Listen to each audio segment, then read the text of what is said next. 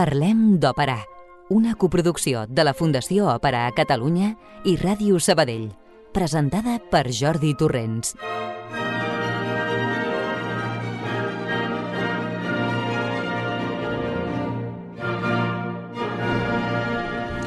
Hola, hola i hola. Molt bona nit a tothom qui ens escolti pel mitjà que sigui.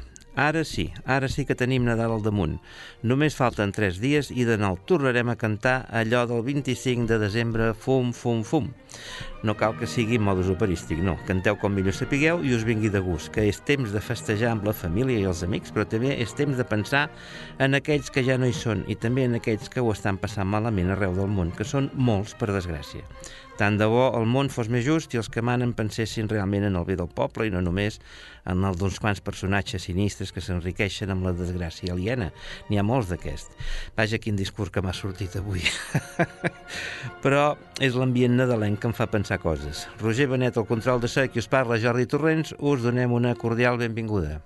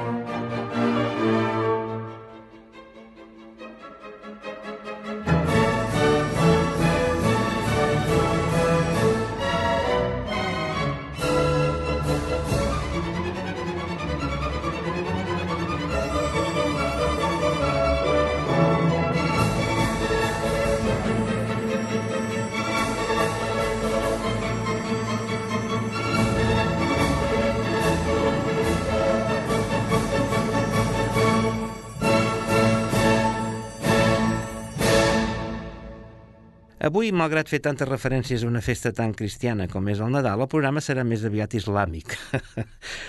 Per mi això de les religions és només una manera de tenir la gent sotmesa des de temps immemorials amb un èxit més que notable, per cert, de manera que per a mi no té cap importància. Avui farem un programa que es dirà Califes i Sultans, amb òperes que n'hi ha una bona pila on hi surten personatges d'aquestes característiques. Òbviament es tracta d'òperes sempre ambientades en terres musulmanes, sovint acompanyades d'aquell tipus de música que se'n va dir a la turca, amb sonoritats una mica estranyes a les nostres oïdes, però sempre molt originals i boniques. El califa és davant tot una autoritat religiosa com a successor del profeta, encara que sovint tenia també l'autoritat política. L'últim califa fou destituït a Turquia l'any 1924.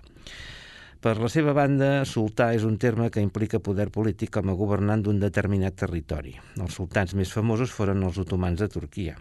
Bé, un cop fet aquesta introducció de terminologia àrabo-turca, us diré que hem sentit en començar, i era l'obertura brillant i a la turca de Abu Hassan, òpera còmica en un acte, un singspiel amb llibret de Franz Karl Himmer, basat en un episodi de Les Mil i una nits, i música de Cal Maria von Weber. L'estrena va tenir lloc a Múnich, en el Teatre de la Residence, avui en dia conegut com a Teatre Cubiliers, pel nom del seu arquitecte el 4 de juny de 1811. Era l'orquestra de la Bayerische Staatsoper de, de Múnich dirigida per Wolfgang Savalich. I com que sempre parlarem en ordre cronològic, després ja tornarem sobre aquest tema. Parlem d'òpera amb Jordi Torrents.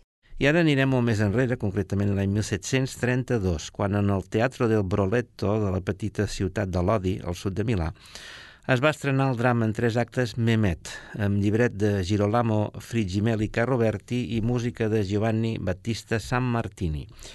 Aquest era un argument que prèviament havien portat a l'òpera Giovanni Battista Polarolo a Venècia i Domenico Scarlatti a Nàpols. Per a Sant Martini, nascut a Milà el 1700 o el 1701 i mort a la mateixa ciutat el 1775, prolífic compositor de música sacra, era la seva primera incursió en el món de l'òpera i no sabem com va anar, doncs manquen les cròniques de l'època que ens ho podrien haver explicat.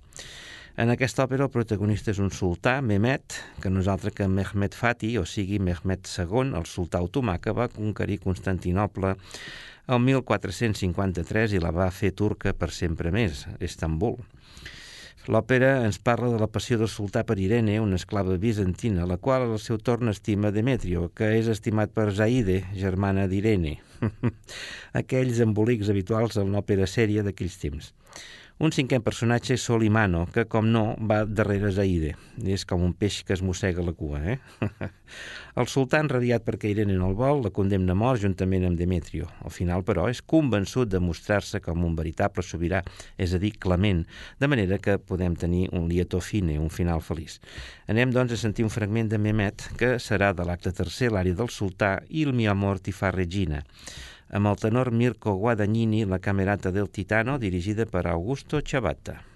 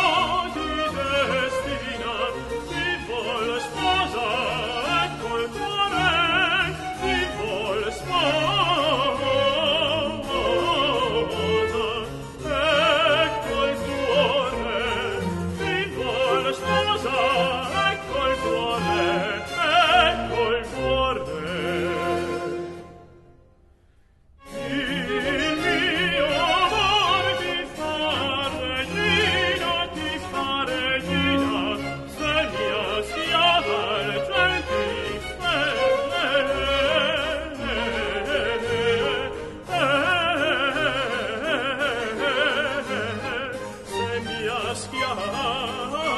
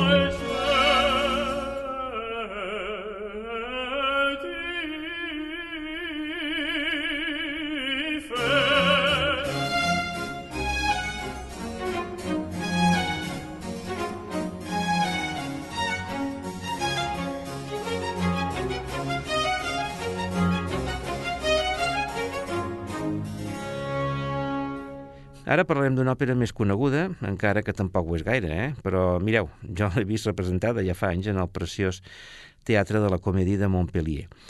El que sí que és molt conegut és el compositor de tal òpera, Christoph Willibald Gluck. Per a mi la música de Gluck té una qualitat molt especial que és eh, sempre l'extrema elegància, transmetent una serena bellesa que a mi m'encanta. I això ho podem trobar al llarg de la seva nombrosa producció, per bé que eh, a fons en coneixem ben poquetes de les seves òperes.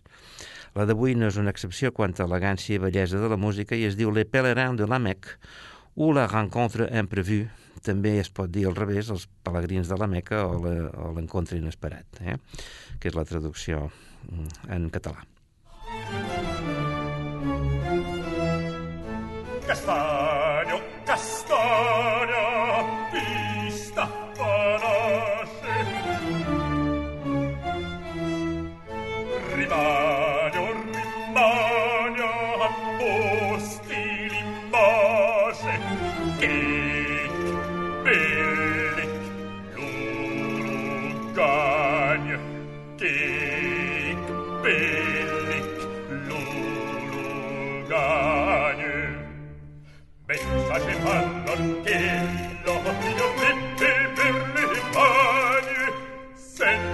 mi manca per dillo se mi manca per quello le lo le la la le la la le lo lo le lo le la la le lo lo le lo la le lo le la la le lo lo lo Pensate parron che lo mio lì per le mani se gli manca per quello se gli manca per quello le lo lo le la la le la la le lo lo le lo lo le la la le lo lo le lo la le lo lo le la la le lo lo lo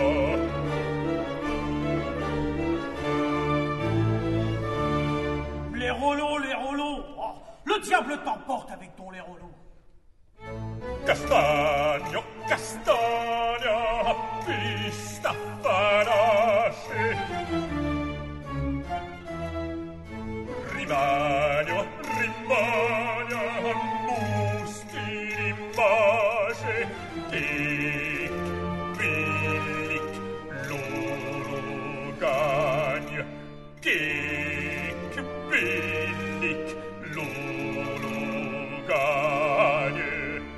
Castanyo, castanya, de l'acte primer és una graciosa arieta que canta el personatge del calendar. Era Gil Cachemai amb l'orquestra de l'Òpera de Lyon sota la batuta de John Elliot Gardiner. Le Pèlerin de la Mec és el que se'n deia una comédie mêlée d'ariet, comèdia barrejada amb arietes, una veritable òpera còmica a la francesa, en tres actes i llibret de Louis Hurtaud d'Ancourt, basada en una obra teatral de Lesage i d'Orneval.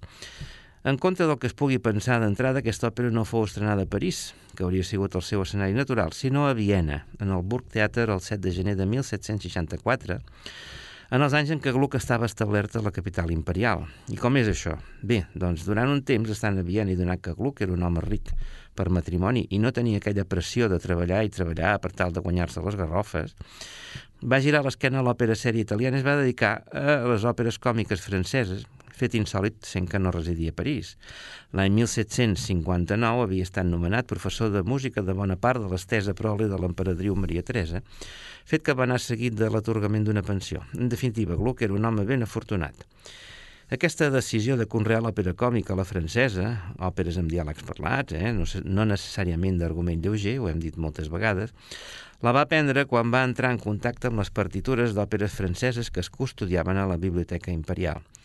I val a dir que va obtenir èxits amb aquestes obres. Les més conegudes són L'Ibronya corrigé, El borratxo corregit i Le Cadí Dupé, El Cadí burlat. Donada la temàtica, aquestes òperes inclouen música a la turca, aleshores molt a la moda, malgrat que els turcs eren els enemics. Aquesta mena de música incorporava instruments com el piccolo, els tambors i els símbols, en imitació de la música geníssera, o sigui, la música militar otomana.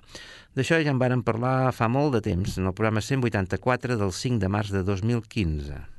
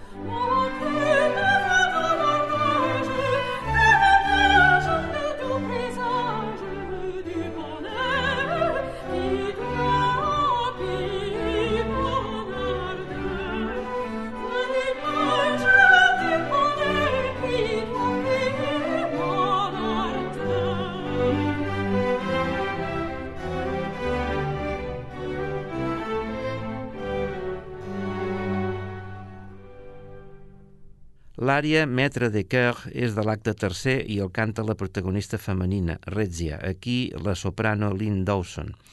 L'orquestra és de l'Òpera de Lyon i el director John Elliot Gardiner. Deliciosa i, com no, elegant.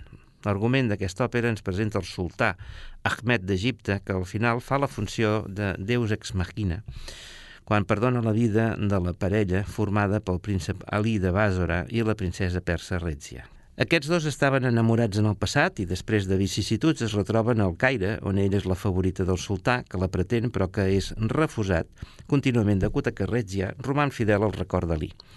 Disfressats de pelegrins de la Meca, intenten fugir però són delatats pel calender, un dervix mendicant. Davant la fortalesa de l'amor de la parella, el sultà els acaba perdonant.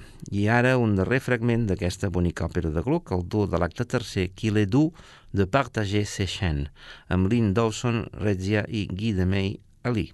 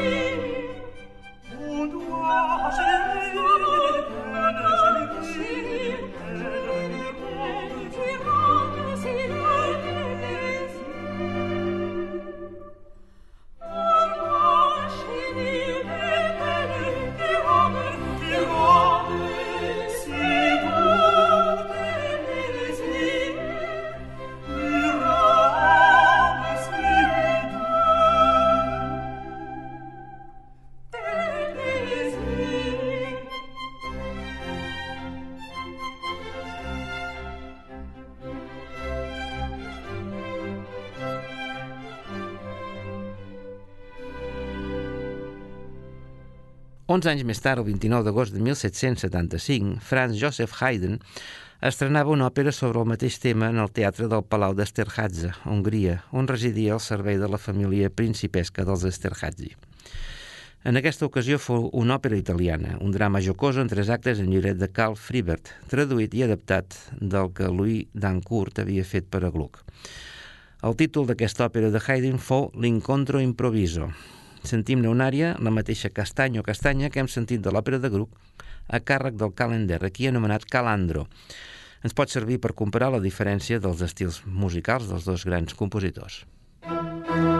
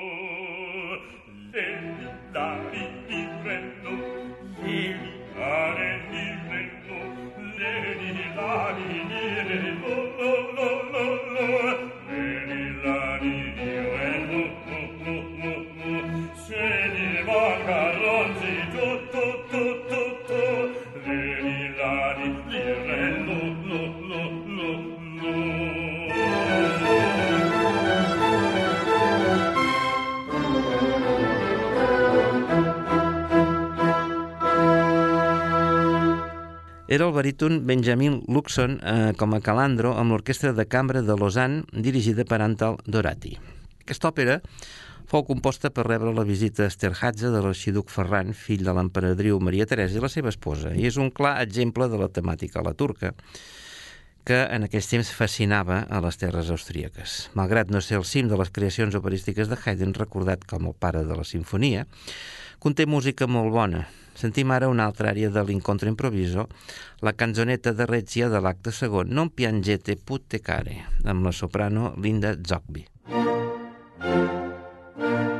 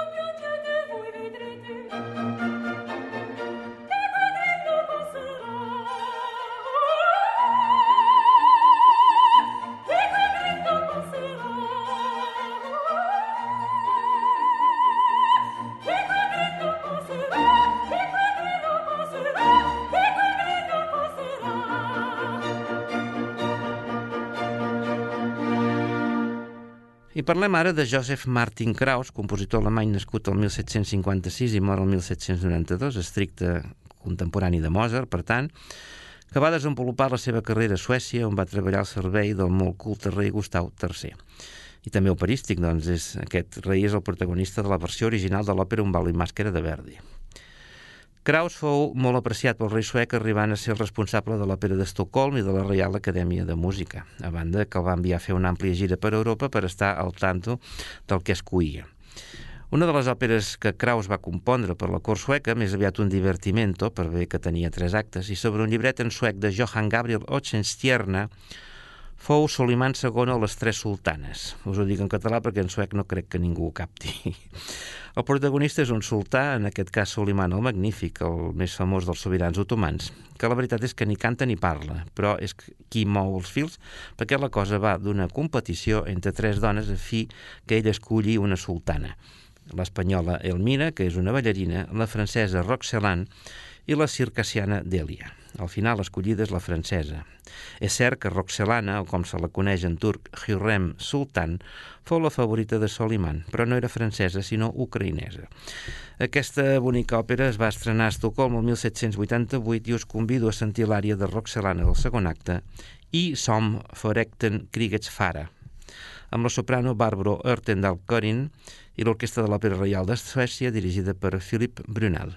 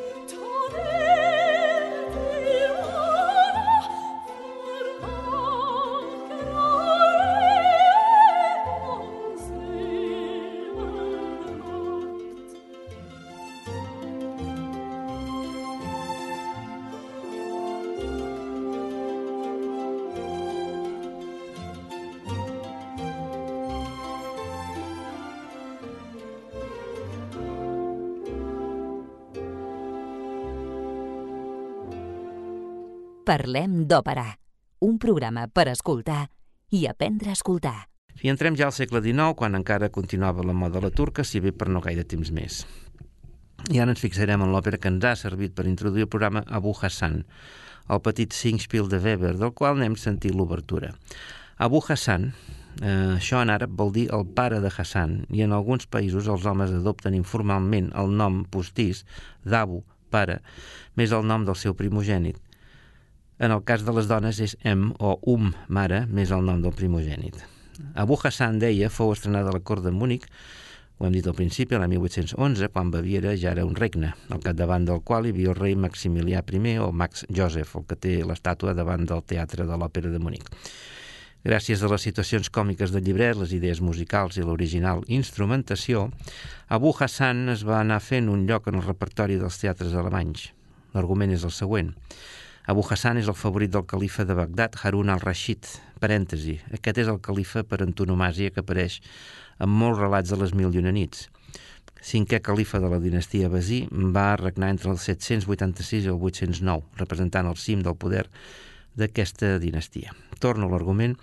Abu Hassan està molt endeutat i per obtenir dinerons pensa una treta i envia la seva dona Fàtima a veure la dona del califa per dir-li que ell ha mort i així li donarà 50 peces d'or. Després ell fa el mateix amb el califa dient que és Fàtima la morta. Mentrestant, els creditors volen cobrar i un d'ells, Omar, pensant equivocadament que Fàtima està enamorada d'ell, paga tots els altres. El califa i la seva dona envien missatgers per veure si marit i muller són realment morts. Finalment es presenta el propi califa amb la seva dona i veu a tots dos morts. Ofereix mil peces d'or a qui li digui qui va morir primer dels dos. En sentir-ho, Abu Hassan s'aixeca tot dient que és ell qui va morir primer. Al final el califa els perdona i Omar es queda amb un pam de nassos. I ara sentirem el tercet English Klopf Esmir im Herzen, amb Nicolai Gedda, Abu Hassan, Edda Moser, Fatima i Kurt Moll Omar, amb el cor i l'orquestra de la Bayerische Staatsoper sota la batuta de Wolfgang Sawalisch. Ängstlich klopft es mir. Zwar klopft's mir ein wenig im Herzen, doch wird es so übel nicht enden, von sich die Gefahren zu wenden. Erkenne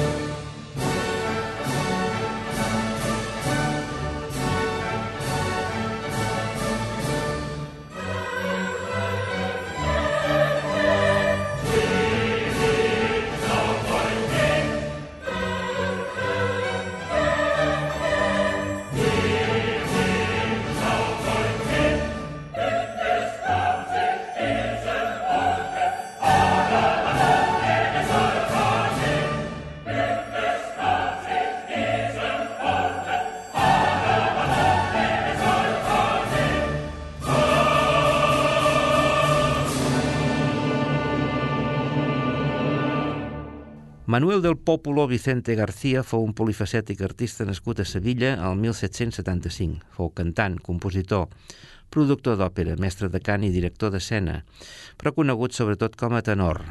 Un tenor distingit que, entre altres coses, va estrenar el rol d'Almaviva, la desgraciada premier del barber de Sevilla, de Rossini, a Roma el 1816. També és conegut molt per les seves importants filles, Maria Malibran i Pauline Viardot. Però també és destacable la seva faceta com a compositor i com a tal va crear nombroses òperes i la que probablement és la més coneguda de totes les que va fer és precisament Il Califo di Bagdad, òpera bufa en dos actes amb llibret d'Andrea Leone Tottola, basat en una obra francesa del mateix títol.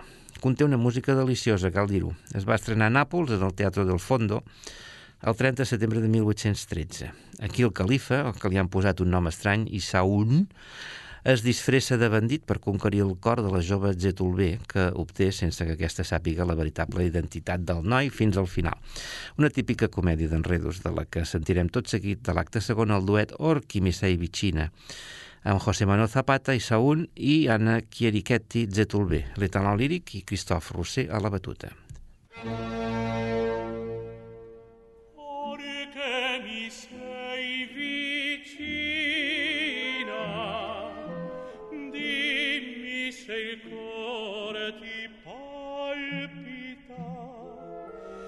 dimmi se il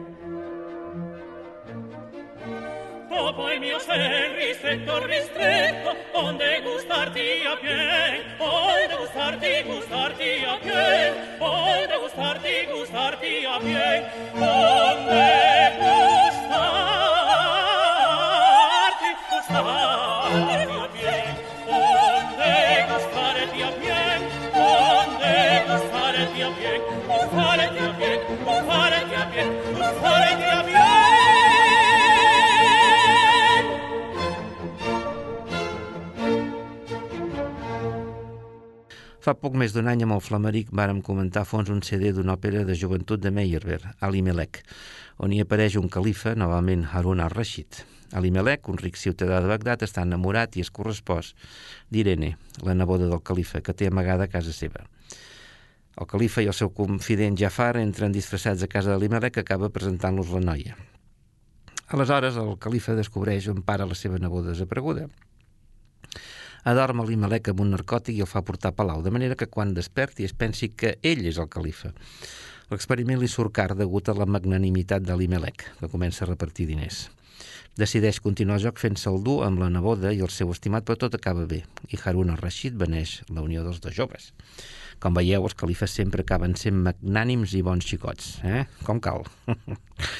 Sentim aquesta òpera de Meyerbeer, mm, d'aquesta òpera de Meyerbeer, estrenada a Viena el 1814, el tercer del segon acte, Hader Calif, amb Jan Kobo, Olimelec, Timothy Oliver, Jafar i Lars Volt, el califa, amb la Württembergische Philharmonie Redlingen, dirigida per Ola Rutner.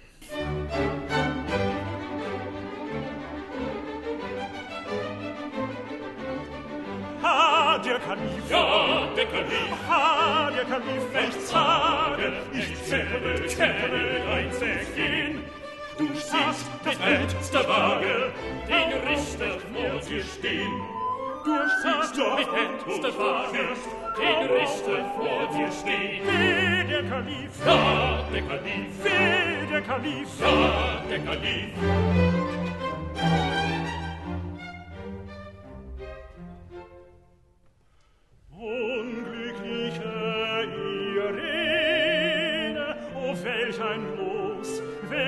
tatenlos erwarte dich, weh mir, erfährst du diese Szene.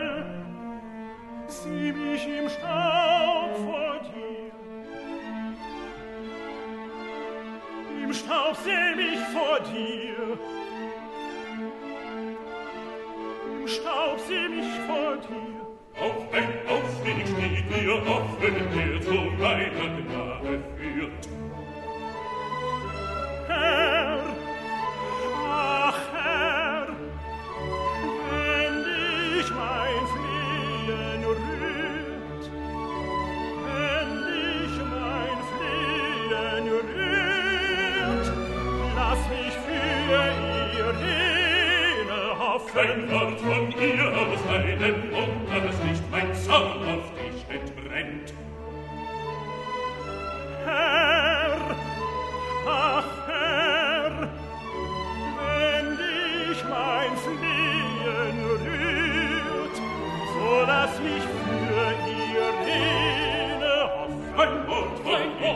wir mir, kein Mut, kein Mut, wir mir.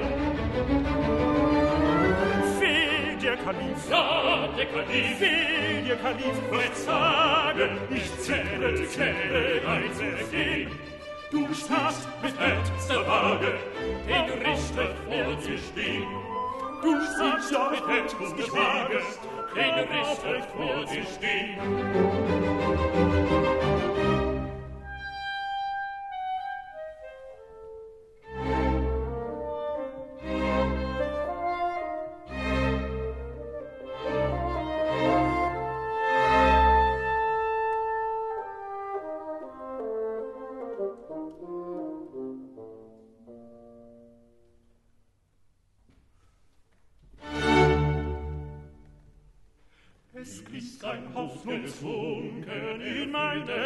Herrschers Macht. Wie ist kein Hoffnungsfunken in mein des Herrschers Macht. Hinab ist er gesunken, hinab zum Spiele, zum Spiele unserer Macht. Ja! Ist sein Hut gesunken, erfüllt des Herrschers Macht. Es glimmt kein Hoffnungsfunken in seines Schicksals Nacht. Hinab ist er gesunken, hinab, hinab, hinab, zum Spiele fremder Macht. Hinab, hinab, hinab, zum Spiele fremder Macht. Hinab, hinab, zum Spiel der. Hinab, hinab, hinab, zum fremder Macht. I acabarem el programa amb la més nova, entre cometes, de les òperes que avui comentarem, que és també alemanya, Der Barbier von Bagdad, el barber de Bagdad. Un interessant Singspiel en dos actes amb lletra i música de Peter Cornelius, inspirat un cop més en les Mil i una nits, estrenada a Weimar el 15 de desembre de 1858, dirigida per Franz Liszt. En ella ja no trobem l'exotisme de la música a la turca ni diàlegs parlats. Sembla que Cornelius apostava més per implantar a Alemanya l'estil operístic de Berlioz. Fou un fracàs en la seva estrena i només va guanyar a favor ja entrat al segle XX, sense arribar a tenir mai un lloc destacat en el repertori. L'argument ens recorda el d'un altre barber, el de Sevilla. El de Bagdad es diu Abul Hassan i ajuda el, no, el jove Nureddin a obtenir la mà de l'estimada Marjana, filla del Cadí. És la intervenció final del califa la que fa que després d'unes quantes aventures tot acabi bé pels joves amants. Un dia n'haurem de parlar amb més profunditat d'aquesta òpera. I per ara sentirem al final, al final de la mateixa amb Gottlob Frick com a barber, el cor de l'Òpera de Viena i la gran orquestra de la ràdio de Viena, dirigits per Heinrich Hollreiser. ergreift den Alten und verwahrt ihn wohl. Herr, übe Gnade,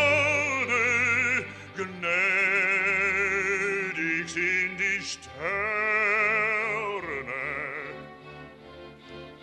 Sei ohne Furcht, sie bringen dich zu mir, dass deine Künste du vor mir erprobest und deines Lebens Märchen mir erzählest. I aber friedlich geht nun eines Wegs, wie sich zur Hochzeit dieses Paars euch lade, weil ihr ja doch einmal so freundlich wart, uneingeladen heut euch einzufinden.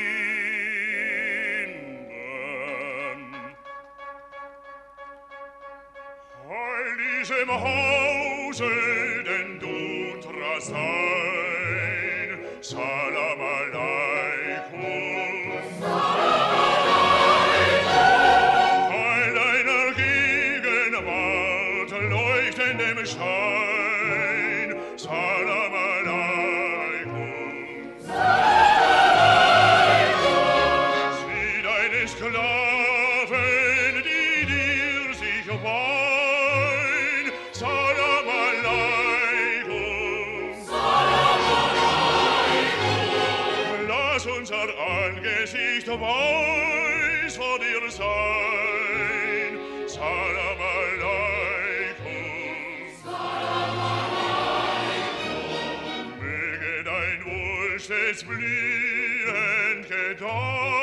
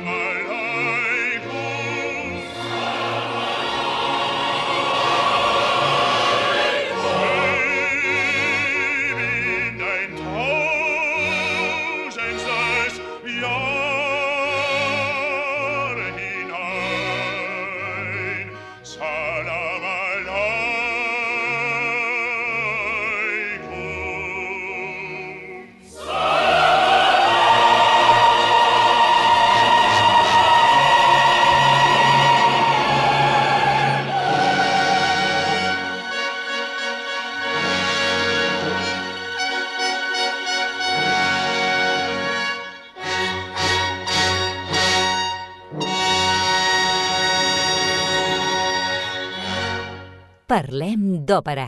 Abans d'acabar i sense allargar-me massa, d'aquí a tres dies és Nadal, diumenge.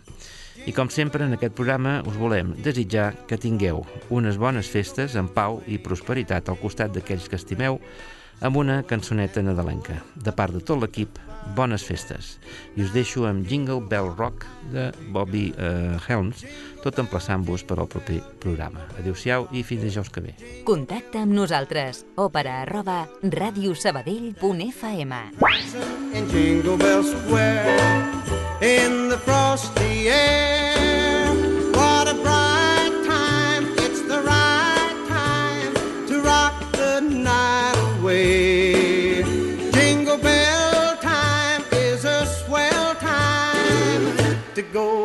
Go gliding in the one horse sleigh. Giddy up, jingle horse, pick up your feet, jingle around the clock mix and a mingle in the jingling feet. That's the jingle bell rock. Jingle bell, jingle bell, jingle bell rock. Jingle bell chime